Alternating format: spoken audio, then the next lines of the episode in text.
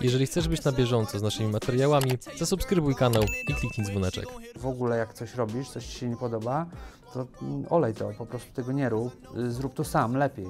Możesz. Jest to proste, wbrew pozorom. E, więc e, powiedziałem tej mojej dziewczynie, słuchaj, no ja myślę, że możemy to sami zrobić sześć razy lepiej. I tak zrobiliśmy, otworzyliśmy moją pierwszą gazetę.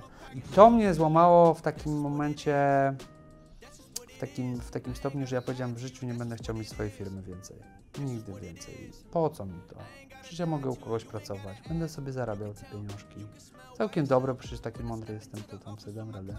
I tutaj myślę, że to jest chyba dobry moment, żeby ludziom przedstawić konkurs. Osoba, która będzie najbliżej poprawnej odpowiedzi, wygra. Co to będzie za nagroda? Yy, Słuchajcie, zapraszam na dzień zdjęciowy z Graffiti Films. Od yy, pierwszego minut pojawienia się na planie, yy, razem ze mną, gdzie ja będę opowiadał o wszystkich aspektach pracy filmowej przez cały dzień zdjęciowy, czyli do 14, może 16 godzin, do zwiki i odjazdu ostatniego pojazdu ze światłem. Partnerami kanału są mBank, DPD, Twoi eksperci w doręczaniu, SN Accounts, Twój księgowy w UK, Webe Partners, sieć afiliacyjna dla e-commerce. Linki do partnerów w opisie materiału.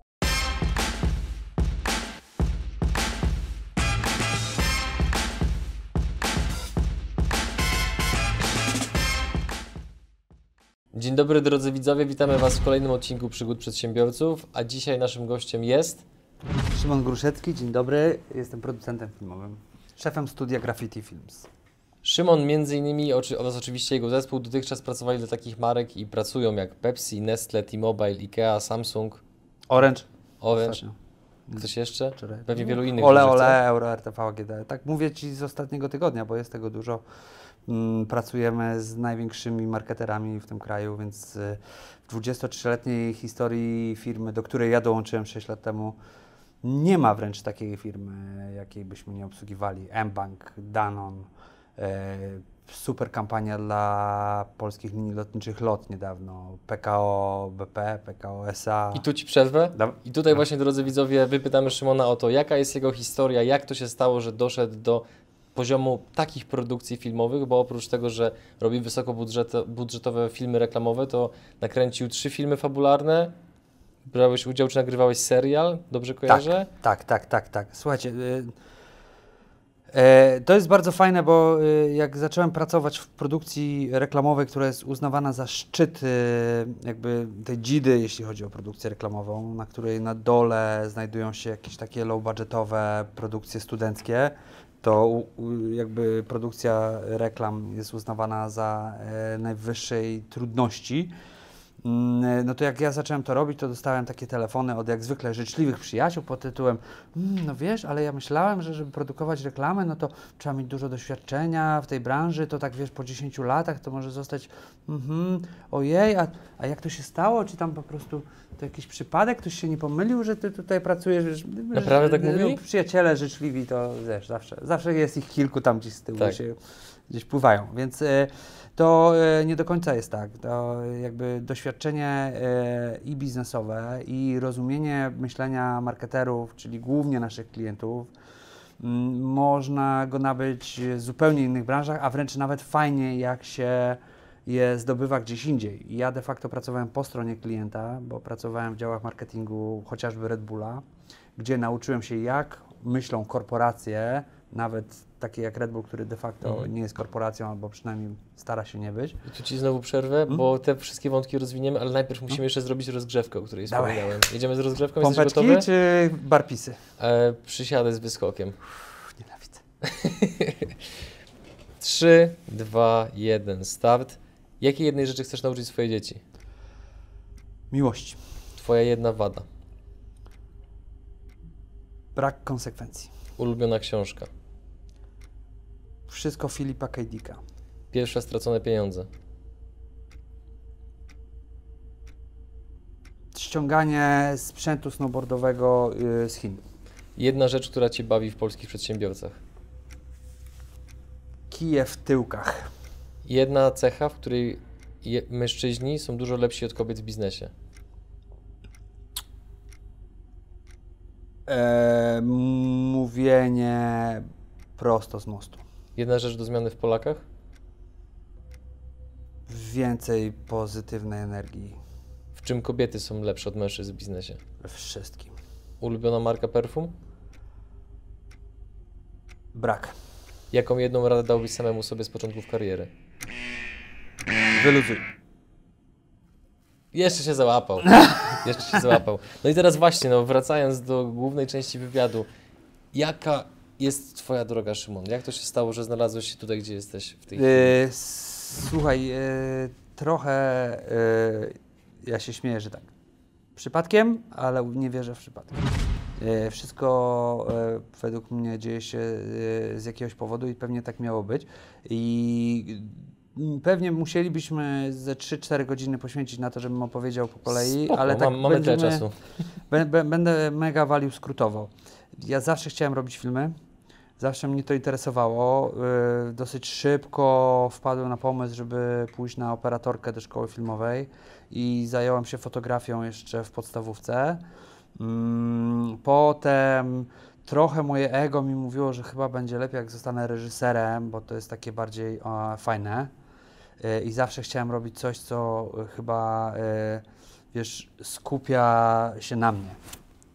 I to mm, teraz uważam to okropne, bo, ale, ale, ale trochę tak, tak, tak to wynikało. Chciałem być albo pisarzem, tylko że jak chciałem być pisarzem, to później zrozumiałem, że ja chcę być pisarzem, bo pisarze mają chyba fajne życia. Nie dlatego, żeby opowiadać ciekawe historie. I później pomyślałem, że chyba tak samo z tą reżyserią, że to reżyser to taki fajny koleś nie? i on, e, wszyscy go lubią, go słuchają i mówi się do niego panie reżyserze i z, z, chyba teraz już wiem, że taka motywacja do niczego nie doprowadza, więc mm, szkoła filmowa e, była jakimś celem. Tyle, że potem przez perypetie życiowe okazało się, że w wieku 16-17 lat muszę sam zacząć się utrzymywać i trochę nie mam pieniędzy na to, żeby chodzić na studia, jeszcze się utrzymywać. Co się stało? E, umarła moja mama, mój tata został w Stanach, trochę straciliśmy kontakt i e, de facto no nie miałem tutaj za dużo wsparcia i też go nie chciałem mieć. To nie jest tak, że rodzina gdzieś tam e, mnie porzuciła, ta tutaj, z którą, z którą byłem w Polsce, ale ja też nie za bardzo chciałem korzystać. Poza tym strasznie się nie lubiłem uczyć. Ja byłem po prostu częściej na wagarach niż e, w szkole. Czemu nie chciałeś korzystać z pomocy rodziny? E, wiesz co, nie, nie wiem, jakoś chciałem być samodzielny, wiesz. Nie chciałem się uzależniać od nikogo tutaj, słuchać czyichś rad. No jak ktoś ci daje pieniądze, to zawsze coś za to chce, nawet jeśli to jest rodzina, no to pewnie by chciała, żebym poszedł na studia takie, a nie inne i tak dalej, i tak dalej. Więc e, mm, koniec końców stało się tak, że ja już pracowałem wtedy jako redaktor naczelny y, takiej gazety o snowboardzie, która się Mhm. nazywa Deska Snowboarding. I e,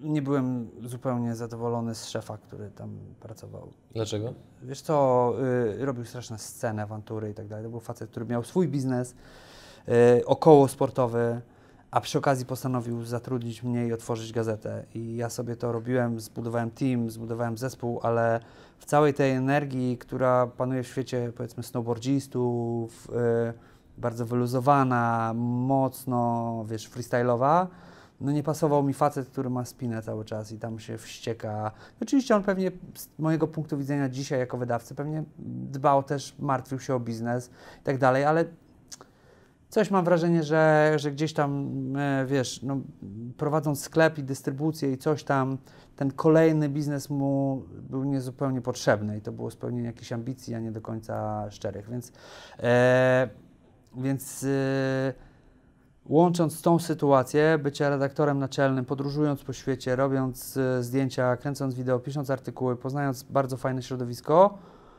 wracałem tu do biura, do, gdzie było jakieś zupełnie niepotrzebne ciśnienie. E, poznałem wtedy moją dziewczynę i studentkę zarządzania, e, która, której powiedziałem, no słuchaj, ja bym chciał mieć swoją gazetę, nie chcę mieć szefa, nie, chcę, nie, nie czuję takiej potrzeby. I, I to jest chyba taki w ogóle trochę morał, że, y, że, że w ogóle jak coś robisz, coś ci się nie podoba, to olej to, po prostu tego nie rób, y, zrób to sam, lepiej.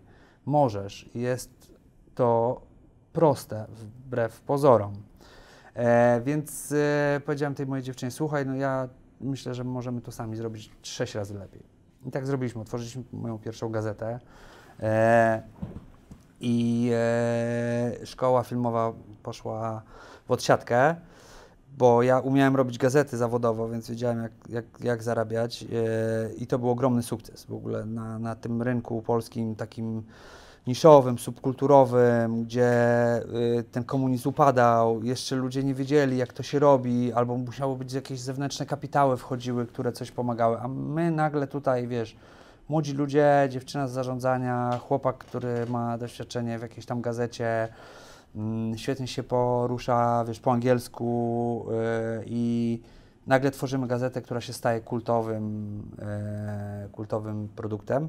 Co była ta gazeta? Się E? Gazeta się nazywała Dos Dedos i e, nazwa nie miała nic wspólnego, e, jakby nie nasuwała bezpośrednio i to mi powiedziała pani w kolporterze w kiosku w ruchu. Mówi, o to przynieśli tą gazetę, co nie wiadomo jak się nazywa. I e, dos dedos po hiszpańsku oznacza dwa palce. Jest to sposób picia tequili, gdzie wkłada się szklankę, znaczy kieliszek tequili między dwa palce, nasypuje się sól i cytrynę i to wszystko się trzyma naraz. Tak pije, jak idziesz w Hiszpanii i zamówisz dos dedos por favor, to ci dają taki zestaw. I to przyszedł, y, mój kolega przyjechał z Hiszpanii, mówi, opowiedział mi ten system. Ja mówię, super nazwa, bo dos dedos dwa palce to, to jest po pierwsze wiktoria i zwycięstwo, ale przede wszystkim e, snowboarding i skateboarding, bo to był core tego, e, tego, te, tego czasopisma i na tej podstawie zrobiliśmy pismo, które wywodziło się ze skateboardingu i snowboardingu, ale moim założeniem było mówić ludziom, ok, jesteście częścią subkultury, ale patrzcie na zewnątrz. Jest dookoła bardzo dużo. Jest sztuka, jest graffiti, jest hip-hop, muzyka, jest moda, jest wszystko dookoła.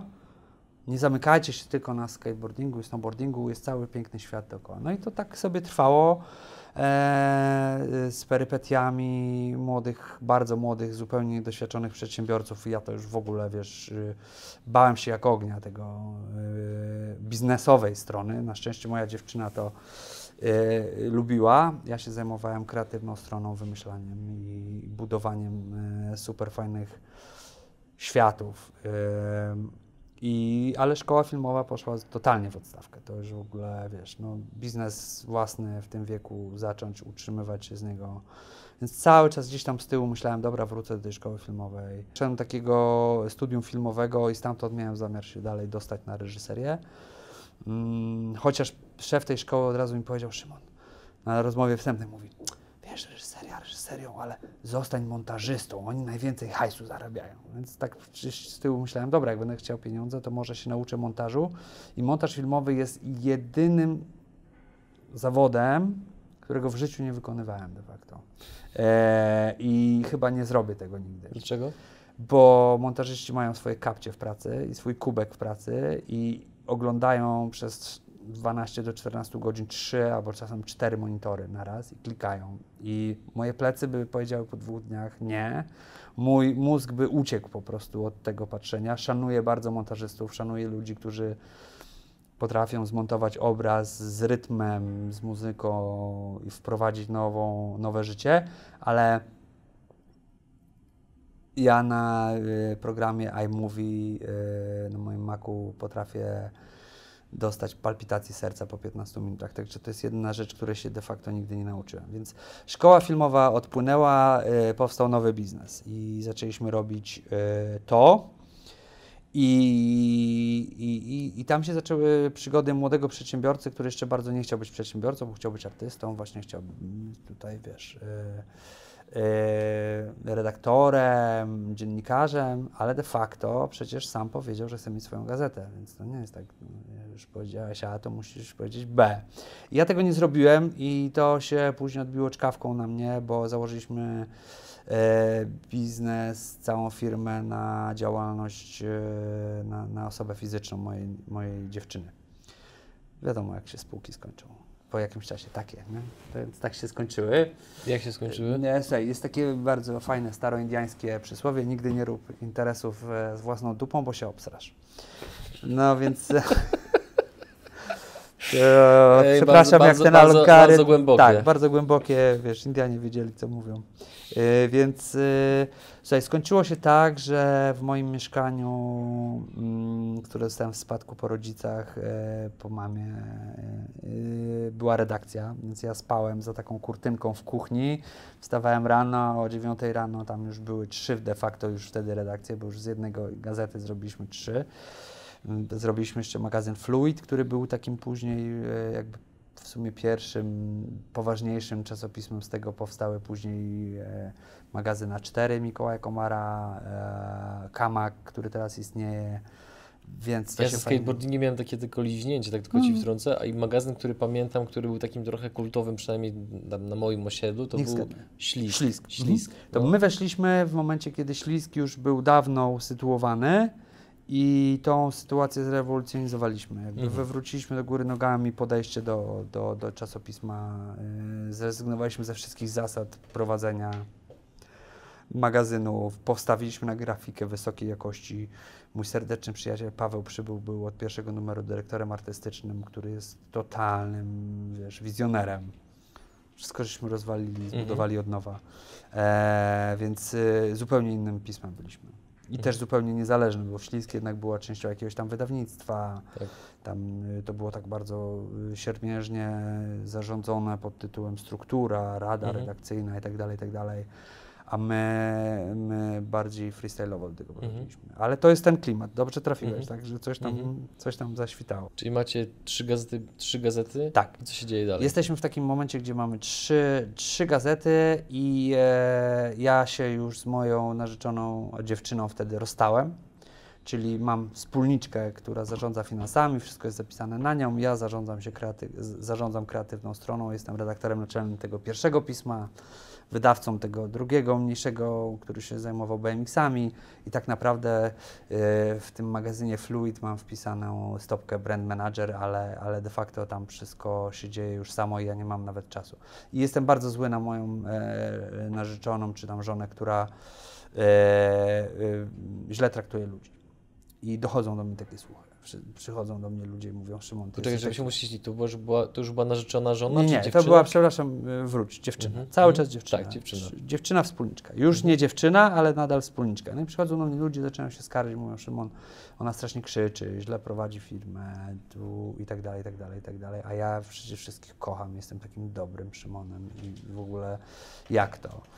Więc, e, więc mamy konflikt. I konflikt przeradza się w taki dosyć chyba napięty bardzo rok e, współpracy, gdzie, gdzie nie jest fajnie i, i, jakieś takie świństwa się dzieją na, na prywatnej sferze, ale kończy się w ogóle takim przełomową historią, bo do mojego mieszkania jest włamanie.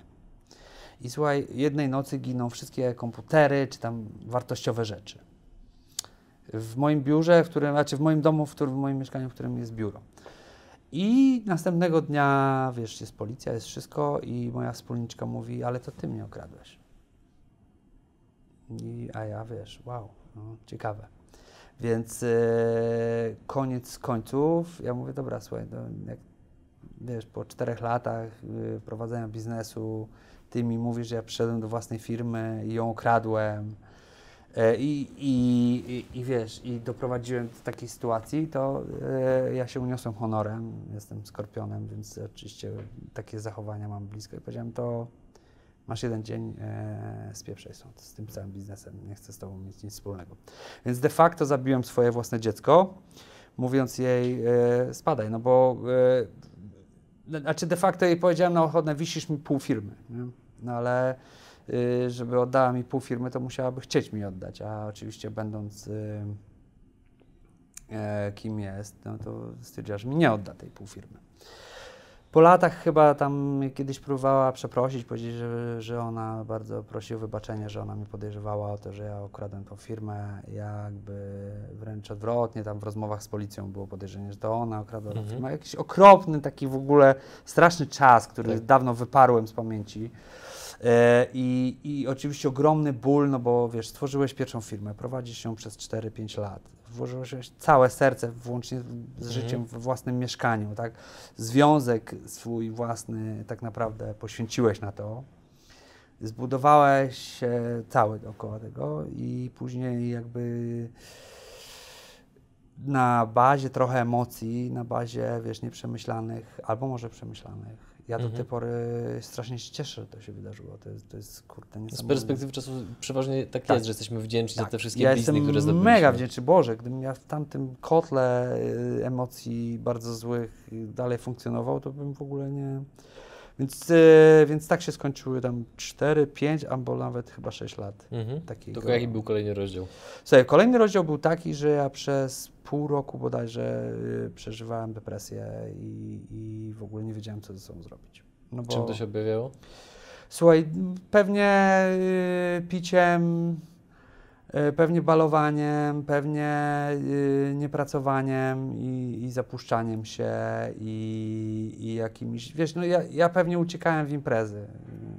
Tego nigdy mi nie brakowało w naszym środowisku. Imprez było bardzo dużo, więc y, zagubić się w melanżu, jak to się mówi, y, nie było trudno. Więc ja myślę, że że ja w tym kierunku gdzieś zacząłem się, wiesz, zatracać. E, i, e, a z drugiej strony, wiesz, a z drugiej strony y, gdzieś tam ja jestem chyba chorobliwie ambitny, więc gdzieś tam jakiś taki, wiesz, powoli się rodził zastrzyk pod tym, ale zaraz, przecież tą firmę całą postawiłeś na nogi, jak to przecież, to, jak sobie możesz tak pozwolić odebrać to wszystko, że to tak... I e, zrób coś, nie? Zrób coś. I to był taki moment, że ja chyba jeszcze potrzebowałem udowadniać coś innym.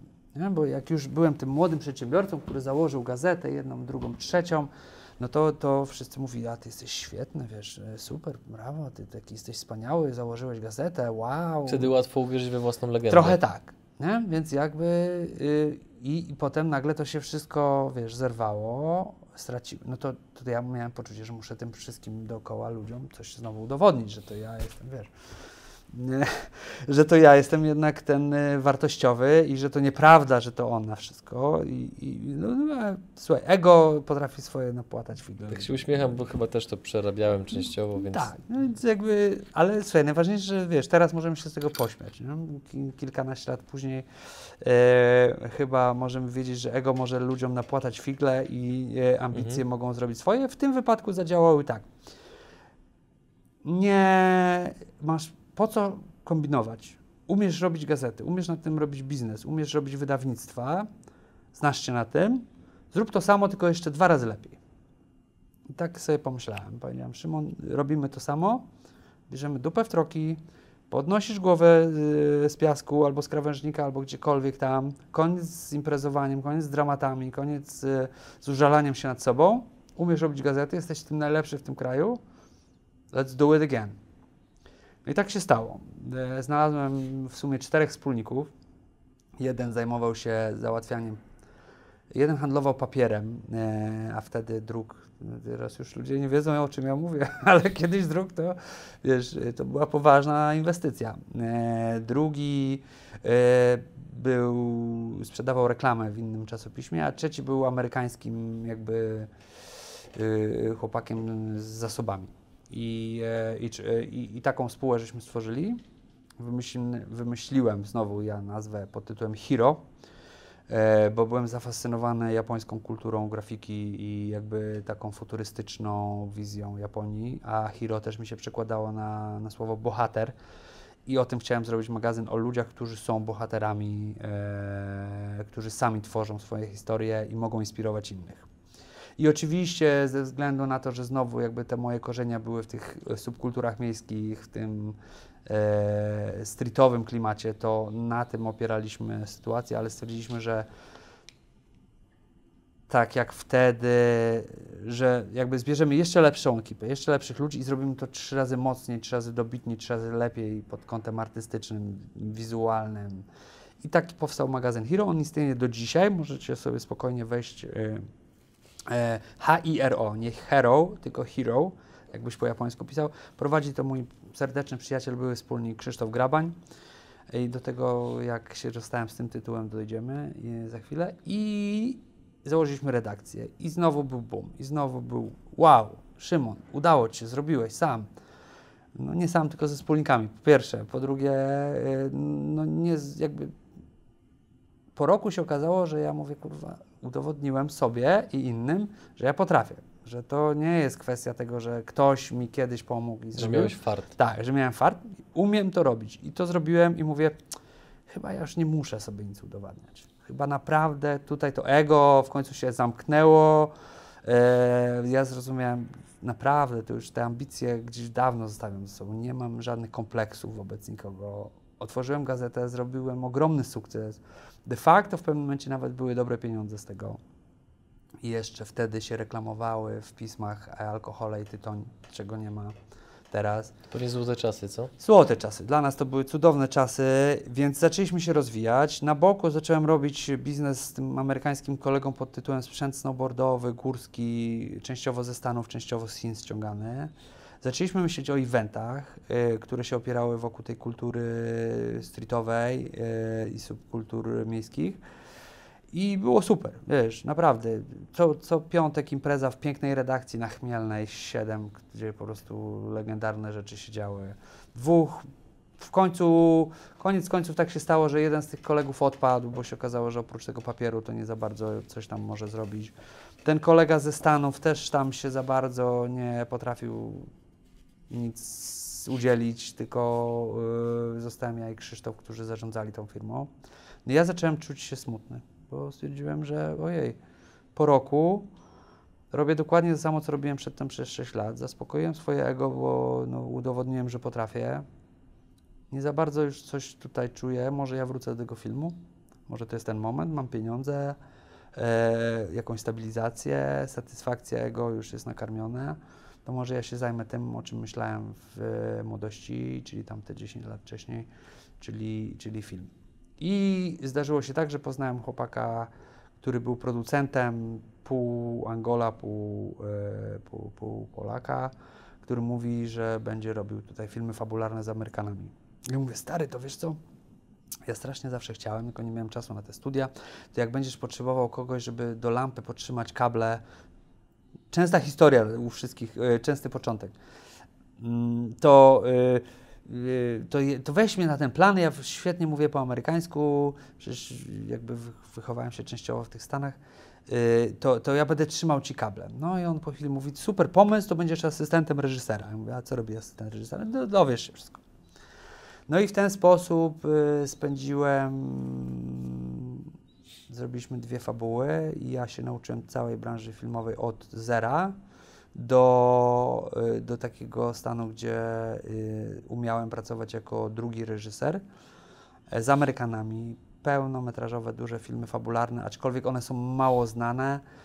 Oprócz tego, że w jednej z- grał Michael Madsen, w drugiej grała, albo nawet tej samej Leslie Easterbrook, to jest taka bardzo znana postać y, za Akademii Policyjnej, takiej komedii i każdy z tych filmów miał 40 dni zdjęciowych, a włącznie z okresem preprodukcyjnym i postprodukcyjnym i jakby całą moją pracą, to ja spędziłem dwa, prawie rok w Łodzi, y, mieszkając na Piotrkowskiej. Mm, y, I tam między innymi też y, poznałem moją obecną żonę, która też ze mną pracowała. Urodziło mi się pierwsze dziecko podczas tego, jak byliśmy na planie. I redakcja magazynu Hero sobie cały czas działała. Ta firma gdzieś tam, gdzieś tam sobie funkcjonowała. No a ja tutaj rozwijałem na boku swoje ambicje filmowe i bardzo mi się to podobało e, i stwierdziłem, że nie chcę wracać do tego wydawnictwa, bo, bo, bo mi się to znudziło. Poza tym de facto zaczęły się trochę gorsze czasy dla wydawnictw niszowych i się powoli zaczynało okazywać, że wiesz, dwóch kawalerów to jeszcze jest w stanie się utrzymać z gazety y, niszowej. Ale jak jednemu się już urodzi dziecko i ma rodzinę na utrzymaniu, to już trochę gorzej. I dołożyła się do tego bardzo prosta sytuacja. Zrobiliśmy jakiś duży event sportowy dla wielkiego telekomu. 60 dni trasy objazdowej, sportowej i tak dalej, i tak dalej, i tak dalej.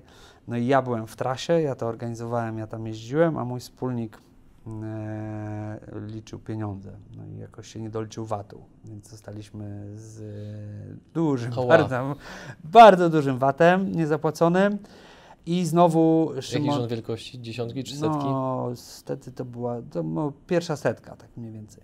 Mhm. I, I znowu, wiesz, awantura, wspólnicy się kłócą, A ponieważ, wiesz, pod jedną egidą mieliśmy i wydawnictwo, i te eventy, i tak naprawdę ten handel tymi rzeczami sportowymi, no to mówimy sobie zaraz, zaraz, zaraz, ale to y, przez to, że my tutaj daliśmy ciała na, na eventach, to zabiorą nam jedyną rzecz, która przynosi jakiekolwiek satysfakcjonujące dochody, czyli gazetę.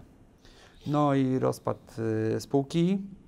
Mm, Krzysztof przejmuje y, sam spółkę robiącą y, gazetę, żeby ją uratować, y, a tamten wspólnik y, wyjeżdża do Stanów, ja zostaję z długami. Dlaczego akurat ty zostałeś z długami? No bo byłem jedynym, który tak naprawdę był związany w tym, w tym biznesie eventowym. Tamten wspólnik nie chciał jakby dalej działać. Miał taką możliwość, więc e, się wycofał. A ja powiedziałem, dobra, e, słuchaj, to e, ty znikasz, ale nie masz żadnych, żadnych do gazety już Roszczeń. roszczeń. Ja biorę to na siebie. Wiesz, taki trochę ująłem się dumą, mówię, spłacę te długi chuj. E, Była dobra no decyzja? nie, niedobra decyzja z punktu widzenia tego, że przez kolejne 6 lat y, ze złamanym karkiem ciągnąłem na sobie dług i rodzinę, i dwójkę dzieci, i pracę u kogoś, a nie dla siebie, to, to chyba nie była dobra decyzja. A wiesz, ja się nauczyłem, jakby to było drugi raz, kiedy podjąłem decyzję na podstawie emocji pod tytułem jak to ja nie, nie wezmę tego na siebie. Nie? Raz, y, że rzuciłem tamtą gazetę w cholerę, a drugi raz powiedziałem, dobra, ja biorę ten dług na siebie, ale ty nie chcę mieć z tobą nic wspólnego. Nie? Więc y, i to mnie złamało w takim momencie, w takim, w takim stopniu, że ja powiedziałem, w życiu nie będę chciał mieć swojej firmy więcej. Nigdy więcej. Po co mi to? Przecież ja mogę u kogoś pracować, będę sobie zarabiał te pieniążki. Całkiem dobre, przecież taki mądry jestem, to tam sobie dam radę. I e, z tego świata filmowego, mm, gdzie miałem jakby dużo kolejnych propozycji pracowania przy filmach fabularnych, e, tylko wyjazdowych. Był taki film bodajże e, Człowiek z morza albo z morza, on chyba powstał i, i, i dostałem zaproszenie wyjazdu na 4 miesiące do Gdańska. Ja miałem drugie dziecko w drodze i mówię, jak to, wiesz, małe dziecko, żona, e, która jeszcze nie zna miasta, wiesz, młoda dziewczyna przyjechała do Warszawy i co ja ją zostawię na 4 miesiące, to jest dzieckiem i w ciąży? Nie bardzo. Średni pomysł. Średni pomysł. Nie, nie ten. I więc e, trafiłem na szczęście do super firmy MTV, korporacji Viacom, która wtedy już skupiła w sobie i telewizję Viva, i kanał VH1, i już Comedy Central otwierał się, i Nickelodeon, i były produkcje wtedy dla MTV HD, czyli jakieś tam międzynarodowe. Ja tam trafiłem najpierw jako producent, potem jako taki dochodzący, nawet miałem epizod prowadzenia swojego programu. W końcu zostałem kierownikiem produkcji, a na koniec szefem produkcji tych wszystkich podlegających mi kanałów. I to był super fajny okres, bo mimo tego, że pracowałem u kogoś, to pracowałem ze świetnymi ludźmi, których serdecznie pozdrawiam do tej pory. Moja żona y, wspomina tamte czasy jako najlepsze, jeśli chodziło jakby o klimat i przyjaźń i taką, taką, taką fajną atmosferę w pracy. A z drugiej strony pracowałem w międzynarodowej korporacji. Udawało mi się tam wyjeżdżać do Anglii na jakieś wyjazdy i, i poznać strukturę pracy korporacji. I to, jak wygląda, wiesz, dział marketingu, i jak wygląda dział finansowy, jak wygląda HR, jak wygląda księgowość. I zacząłem jakby rozumieć w ogóle model biznesowy pracowania dużych firm, co teraz mi się mega, mega opłaca, bo jak rozmawiam z marketerami, ja wiem przez co oni przechodzą, jaki, jaki oni mają wewnętrzny w ogóle, wiesz, bój swój do, do, do, do zwalczenia, żeby w ogóle wyjść czymś na zewnątrz. Tego normalni moi kochani koledzy z branży często nie rozumieją. Oni traktują tych klientów, o Boże, jakiś głupi klient ma jakieś tam wymagania, znowu coś sobie. Ja mówię, nie, on nie ma, on ma, on ma za sobą taki bagaż doświadczeń z całej tej swojej korporacji, że ty sobie nie jesteś w stanie tego wyobrazić, czym on dealuje, żeby w ogóle wydobyć Mhm. się ze swoim projektem na świat. No więc tak MTV mnie trochę postawiła na nogi. E, komornik mi zabierał połowę pensji, mm, więc ja tam, e, wiesz, na te pieluchy tam coś przynosiłem e, i, i to się tak przez, przez dobrych kilka lat działo. I... Co było momentem, gdzie zdecydowałeś, że jednak wracasz do biznesu? no jeszcze nie tak prosto, słuchaj. E, cały czas, nie, nie, cały czas w ogóle myśl o swoim biznesie mnie paraliżowała. No wiesz, e, urząd skarbowy mnie paraliżował. E, serdecznie pozdrawiam wszystkich moich e, znajomych komorników, bo to były takie czasy, że żeby coś z komornikiem załatwić, to się umawiałeś z nim na kawę, opowiadałeś, że ty chcesz, że tobie zależy. I to wszystkim polecam. Każdemu, kto ma jakikolwiek dług, zajęcie komornicze, jakikolwiek problem. Rozmowa i komunikacja to są spoko ludzie de facto, chociaż mm, te firmy zbierające długi zatrudniają czasami dziwnych ludzi, ale mówię już o komornikach, w urzędzie skarbowym, trzeba rozmawiać z nimi. Trzeba przyjść i powiedzieć, przepraszam, to jestem ja, mogę zapłacić panu 5 zł w tym miesiącu, ale chcę zapłacić. Nie chowam się, nie unikam. I to jest moja rada dla wszystkich, którzy mają problemy finansowe. No trudno. Potknąłeś się, pomyliłeś się, nie wyszło, z twojej winy, nie z twojej winy. Możesz sobie dać z tym radę. Ja naprawdę czułem krzyż bardzo wysokiego długu e, na plecach i to mnie bardzo ciągnęło w dół i nauczyłem się, że rozmowa z komornikiem, rozmowa z, z bankiem i przynosi tobie ulgę i jemu ulgę, bo on wie, że ty chcesz zapłacić i to po prostu trzeba sobie zdać z tym radę. A koniec końców wydarzyło się tak, że po pięciu latach y, jakaś część się przedawniła co też było dla mnie dużą ulgą. Dużą część spłaciłem, część tam udało mi się umorzyć na podstawie jakichś tam próśb. Więc po jakimś czasie się pozbyłem tego długu, ale w międzyczasie bardzo fajna rzecz się wydarzyła, e, będąc w tym Red Bullu. Akurat, a czy e, będąc w MTV, przepraszam, akurat trafiła mi się jakaś na chwilę pani szefowa, nowa, zupełnie z innej bajki która trafiła nade mnie i zaczęła strasznie psuć wszystkim klimat. Była jakąś osobą z zewnątrz, nie pasowała, nie rozumiała biznesu.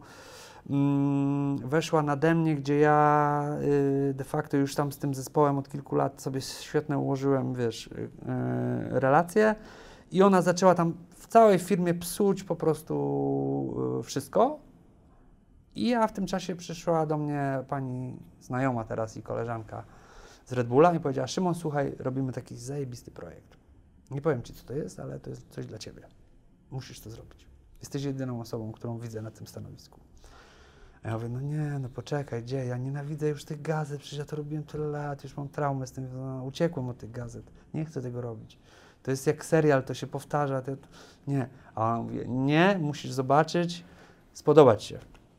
Coś, coś dla Ciebie. Ja mówię, no dobra przez to, że tutaj mam tą nową babę, która psuje wszystkim klimat, to jakoś tam mówię, dobra, może spróbuję, bo normalnie bym z tego nie rezygnował, bo mi się naprawdę tam podobało. I, i miałem dobrą pensję, i miałem super ludzi ze mną pracujących, tylko nagle mi wrzucili jakiś tam po prostu pomyłkowo, jak się później okazało, y, zupełnie y, niepotrzebnego dyrektora.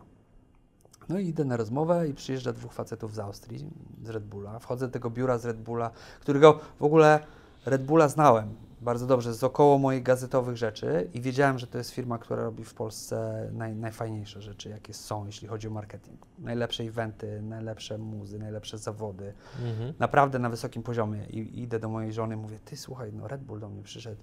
Ja ich uwielbiam, to jest super firma. Jest tam super fajna szefowa, znam dyrektora marketingu, znam kupę ludzi, to są wszystko fajni ludzie, może, może coś. A ona mówi, no nie, no ale jak z tego MTV zrezygnujesz, przecież to taka fajna. Ten... No i się okazuje, mm, że y, Red Bull wymyślił, że będzie oprócz tego, że będzie sprzedawał napój energetyczny, dom mediowy, a właściwie w ogóle wchodzi w media. E, pan e, Dietrich Matuszic, który jest szefem Red Bulla, postanawia też pewnie sobie udowodnić, że oprócz tego, że zbudował potęgę na y, napoju energetycznym, to że teraz pójdzie w media i będzie tworzył content wideo, będzie tworzył prasę i będzie w to inwestował. I według mnie do tej pory w to inwestuje, jeszcze na tym nie zarabia, chociaż już dawno nie jestem, nie jestem w temacie. I między innymi, między innymi, bo tam jest dużo projektów mediowych, postanawia stworzyć gazetę, która się nazywa The Red Bulletin, która ma ambitne zadanie bycia największym miesięcznikiem każdym kraju. I to dzieje się w ten sposób, że y, wydaje stustronicowy miesięcznik, taki jak, nie wiem, kiedyś powiedzmy CKM, czy y, czy, czy teraz są pewnie tylko modowe, tak dobrze wydane, wiesz, kolorowe miesięczniki, które zamiast y, do standardowej y, dystrybucji są dodawane do największej gazety dziennej w Polsce w pierwszy wtorek każdego miesiąca. I my spartnerowaliśmy się z Gazetą Wyborczą, która miała wtedy nakład około 400 tysięcy i de facto 400 tysięcy miesięczników Red Bulletin było dodawane do, do każdego pierwszego wtorka miesiąca. Więc przez to czyniło to największym magazynem, bo drugi największy magazyn miał nakładu bodajże 40 czy 50 tysięcy. Więc, więc jak mi opowiedzieli ci Austriacy ten projekt i opowiedzieli, że to będzie działało w ten sposób, że będę latał do Wiednia, gdzie będzie taka wspólna redakcja składająca się z najlepszych dziennikarzy na świecie, od Amerykanów, Francuzów, Anglików, Australijczyków, Francuzów i tak dalej. I my będziemy razem pracować w tym Wiedniu przez 10 dni w miesiącu nad zamknięciem numeru. I jeszcze pokazali mi na koniec, ile będę zarabiał. To ja powiedziałem, to sorry MTV, tam jest ta niedobra szefowa, nie chcę z nią pracować, ja już kocham Red Bulla i idę w to. E, w MTV tak się skończyło, że ta babka też e, stamtąd wyleciała bardzo szybko, po, po jakimś chyba pół roku, e, bo się okazało, że to po prostu była osoba chyba ze złą energią, niepasująca zupełnie. I ja zacząłem moją przygodę z działem marketingu Red Bulla. I, I to było super, bo wróciłem do gazet, których nienawidziłem, ale wróciłem z gazet niszowych, to tak jakby, wiesz, mając kanał na YouTubie e, we własnym studiu, trafiłbyś do kierowania CNN-em. Nagle jesteś dalej w innym świecie. To jest takie, wow, to tak się robi? Aha, naprawdę? To jak ja chcę zrobić zdjęcie nurka, to dzwonię do najlepszego fotografa nurków w Australii i mówię mu, za tydzień przyjedź mi zrób zdjęcia nurków. A on dzwoni i mówi, już Szymon, jadę. Wiesz, nagle, kurde, zacząłem, przesiadłem się, powiedzmy, z fajnego, stylowego, klasycznego, powiedzmy, ale jednak polskiego dużego Fiata, takiego wypasionego z fajnymi felgami w ogóle, do Ferrarki. I to takiej, wiesz, na, też ładnie wyglądającej, klasycznej. I to było e, 4 czy 5 lat takiego bardzo intensywnego życia, gdzie e, latałem na 10 dni do Wiednia tam pracowaliśmy po 20 godzin na dobę z małym polskim zespołem i dużym międzynarodowym jakby redakcją i przygotowywaliśmy częściowo tłumaczenia, częściowo nasze, nasze własne e, nasze własne rzeczy, częściowo przy współpracy z działem marketingu Red Bulla tu polskiego i, i to się super kręciło. Zjeździłem kupę fajnego świata, poznałem Adasia Małysza wtedy, wiesz, na takich bardzo fajnej, prywatnej stopie i w ogóle kupę, kupę, kupę ciekawych ludzi. I to się działo, działo, działo. W tym czasie udało mi się y, dzięki tym wspaniałym, wiesz, euro zarabianym w Austrii, a wydawanym w Polsce, więc fajnie, y, spłacić te długi, pozbyć się wszystkiego. I po czterech latach zmienił się trochę trend w Red Bullu, bo w Red Bullu okazało się, że jest jakby nowa i stara szkoła i stara szkoła mówiła, no dobra, szef mówi, że robimy media, to robimy media, a młoda szkoła rekinów mówiła, ale my w te media cały czas pompujemy, pompujemy, a tak naprawdę możemy więcej pompować w promowanie sprzedaży mm, napoju energetycznego. Idźmy w to.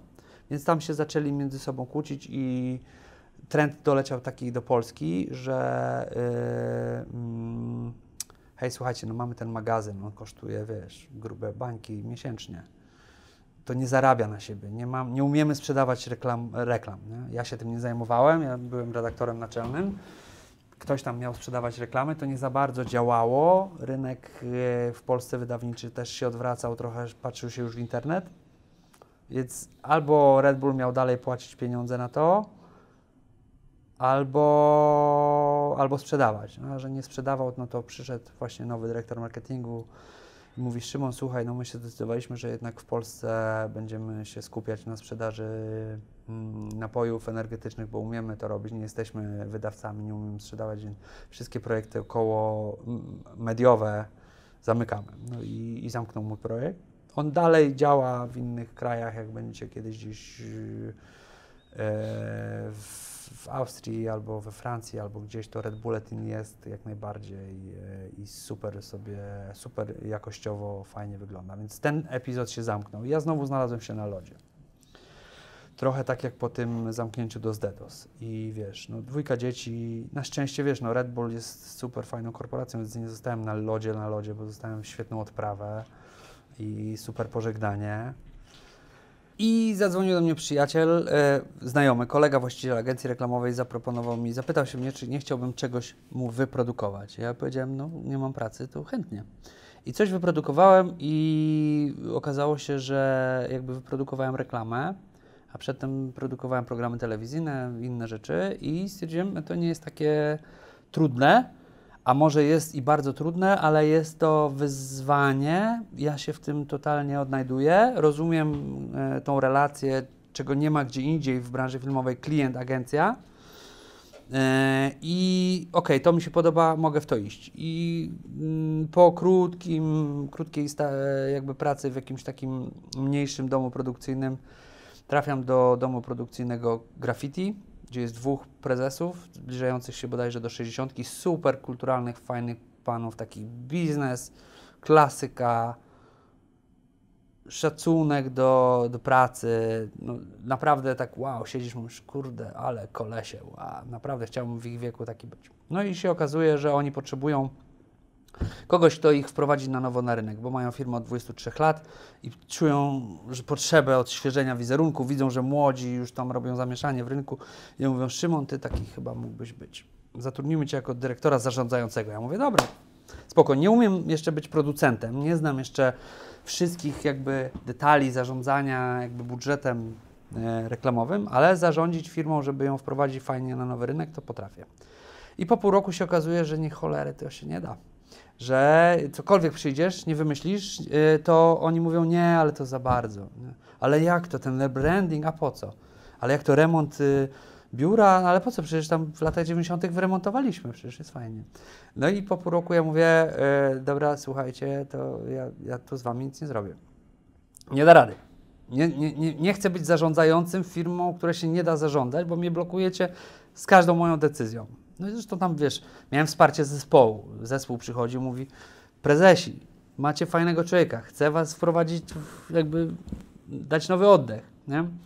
Więc ja się im nie dziwiłem, bo faceci zrobili, wiesz, świetny biznes. Przez 23 lata byli w czołówce, znali się na robocie jak mało kto. No i nagle przychodzi jakiś facet z jakiegoś MTV, z jakiegoś Red Bulla, z jakiegoś Hero, to z i mówi im, że ich branding jest do dupy, że biuro trzeba wyremontować, że trzeba zmienić trochę zespół.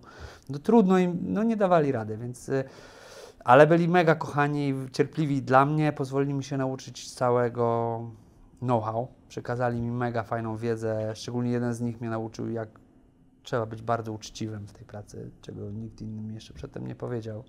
Wszyscy mówili, że branża reklamowa jest wiesz, pełna rekinów, oszustów i, i tak dalej. Nieprawda. Jerzy Janicki mi pokazał, że można być super fajnym, uczciwym kolesiem.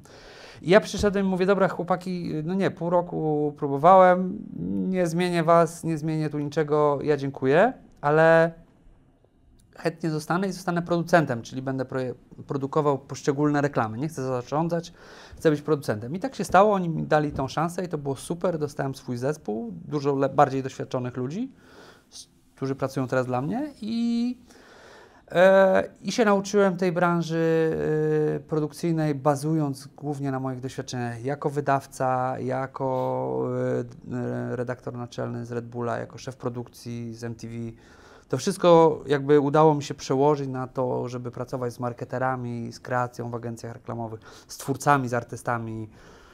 Się zaczęło super fajnie działać. Nagle się okazało. Czyli klasycznie znowu wszystkie wydarzenia, które miałeś po drodze, przygotowywały Cię do roli, którą w tej chwili pełnisz. Bardzo, bardzo i dlatego jestem takim uśmiechniętym, zadowolonym i szczęśliwym kolesiem teraz, bo to wszystko, te wszystkie nieszczęścia i te wszystkie szczęścia i to wszystko się złożyło do tego, że naprawdę czuję się bardzo kompetentny w tym, co robię teraz. I Eee, po jakimś czasie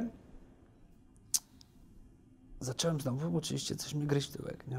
I mówię, zaraz, zaraz, ale cały ten biznes tutaj, cała ta firma, tam oczywiście perypetie rodzinne, jeden prezes się pochorował, odszedł już na emeryturę, sprzedał swoje udziały drugiemu, coś tam, kłótnie w zespole rodzinne, wszystko jakoś tam gdzieś się e, pływa. Ja mówię, zaraz, zaraz, ale patrząc na roczne obroty tej spółki, to 90% tej spółki funkcjonuje dzięki mnie. To jest mój, moja praca, mój biznes. Co ja głupi jestem, czy co? Zaraz, halo. No i idę do szefów, jeszcze wtedy dwóch i mówię, panowie, znowu tu mam temat do was, chcę być waszym wspólnikiem.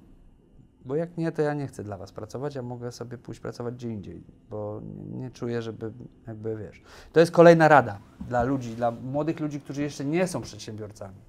Jak czują, że coś robią bardzo dobrze, to naprawdę jakby to trzeba walczyć o swoje, wiesz, idziesz i, i idź do swojego szefa i powiedz, jestem dużo lepszy niż y, tobie się wydaje, zasługuję na więcej, chcę więcej, potrzebuję.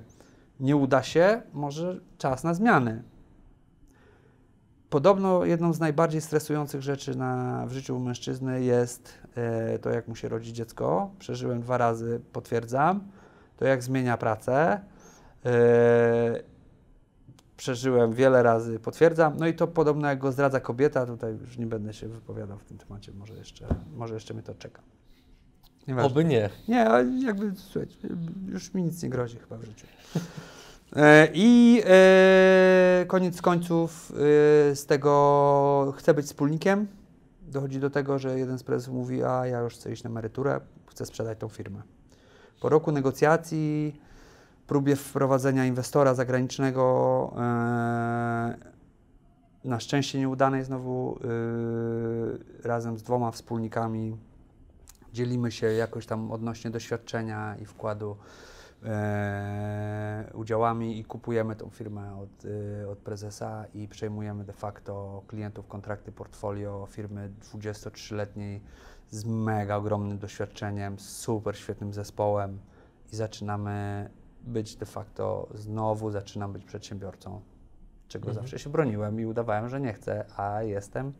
I jestem super zadowolony, jestem po półtora roku pracy jako szef firmy, mega intensywnej i to jak pewnie często słyszycie, ktoś mówi, no jak będziesz miał swoją firmę, to już nie będziesz miał swojego życia i będziesz wracał do domu.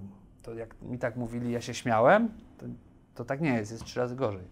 Ja już w ogóle, wiesz, dwa telefony, moje dzieci mnie widzą przypadkiem pewnie na Skype'ie, Mimo tego jestem super usatysfakcjonowany, mam świetnych wspólników, biznes się bardzo dobrze kręci, mamy wspaniałych klientów, oferujemy niesamowicie wysokiej jakości usługi, mm, myśl, mamy plany na przyszłość.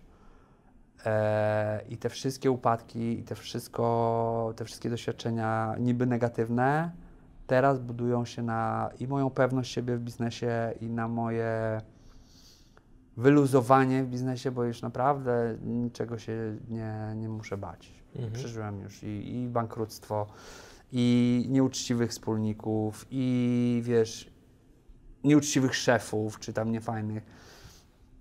Więc, y, więc czuję się, y, to jest chyba jeden z najlepszych momentów w moim życiu.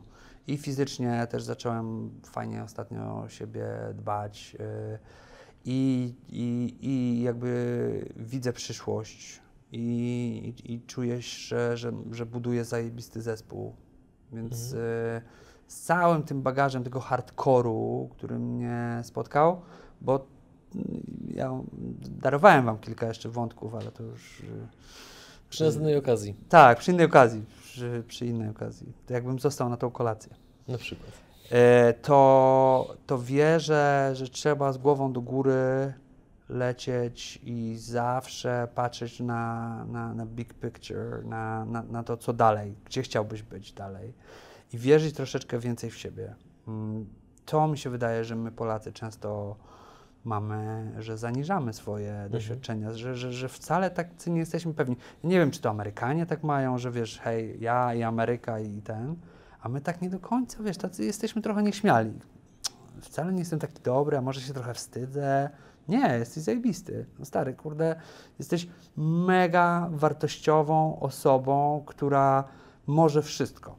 Tylko musisz siebie uwierzyć i mów sobie codziennie rano, że, y, że jesteś ok, że jesteś Mhm. w porządku, że się lubisz, że się doceniasz, że kochasz ludzi, z którymi pracujesz, się otaczasz. I jak czegoś ci brakuje, to jedyną osobą, która to może zmienić, to jesteś ty sam. Nie możesz zwalać na innych. Nie możesz być kolesiem, który mówi, ej, ale ta moja szefowa nowa w MTV, to ja codziennie rano wchodzę do biura i się stresuję i płaczę i, i mnie rozpierdala. I, I jestem szczępkiem nerwów. No to zmień to. Idź do baby z HR-ów i powiedz, Stara, tak zrobiłem. Ta baba z HR, ta nowa szefowa mnie dobija, wkurza. Chcę to zmienić. I albo wy mi dacie inne stanowisko, albo pójdę pracować do tego Red Bulla. No i generalnie jakby po prostu nie podoba ci się w firmie, zarabiasz pieniądze firmy, idziesz do wspólników i mówisz, chcę zostać waszym wspólnikiem. Po prostu. Co się stanie, jak, jak ci powiedzą nie, to zmienisz. To pójdziesz gdzie indziej. Ale wiesz, Mhm.